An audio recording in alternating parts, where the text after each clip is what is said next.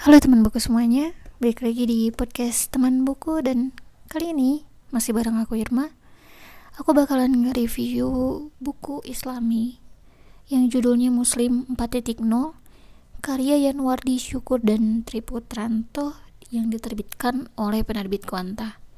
Tebal bukunya sekitar 255 halaman, jadi cukup tebal ya. Dan memang buku ini berat menurutku karena banyak banget data yang mesti dicerna. Menjadi muslim cerdas, cinta damai, anti hoax, dan no baper di zaman now. Apa yang ada di pikiran kalian saat baca tagline ini? Kalau aku sih jujur aja nggak ada. Hanya saja yang membuatku penasaran dengan buku ini ya karena tagline-nya ini. Menjadi muslim cerdas, cinta damai, anti hoax, dan no baper di zaman now Nah di zaman now-nya ini loh yang jadi kata kunci. Keren. Buku ini terdiri dari tiga bagian, di mana bagian pertama menjelaskan tentang tren muslim zaman now, bagian dua menjelaskan tentang tantangan muslim di zaman now, dan bagian tiga merupakan solusi bagaimana menjadi muslim zaman now yang sesuai dengan syariat Islam. Ya, menarik. Dilihat sekilas sepertinya bukan buku ringan, sebelum aku baca juga udah ngelihatnya ini bukunya bukan buku ringan. Tapi setelah ngebaca keseluruhan isi buku memang benar aku nggak bisa bilang kalau ini buku ringan. Banyak banget data yang bikin aku tuh nggak bisa baca buku ini dengan cepat.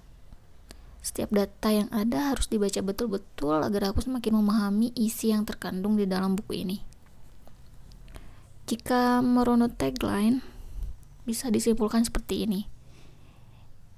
Cerdas. Nah, buku ini bisa nambah wawasan dengan banyaknya data yang disuguhkan di setiap sebagiannya. Cinta damai. Nah, seperti yang kita tahu, arti kebebasan berpendapat malah kebablasan di zaman sekarang. Tidak sedikit kita melihat adanya perang status dan pembulian online di platform sosial media Buku ini bisa berperan sebagai pengingat agar kita tidak menjadi salah satu dari orang-orang yang disebut netizen maha benar. Yang ketiga, anti hoax. Terlalu banyak informasi membuat kita sulit untuk memilah-milih informasi. Banyak fenomena yang termakan berita hoax. Buku ini merupakan pengingat untuk kita agar lebih cerdas dalam memilah informasi.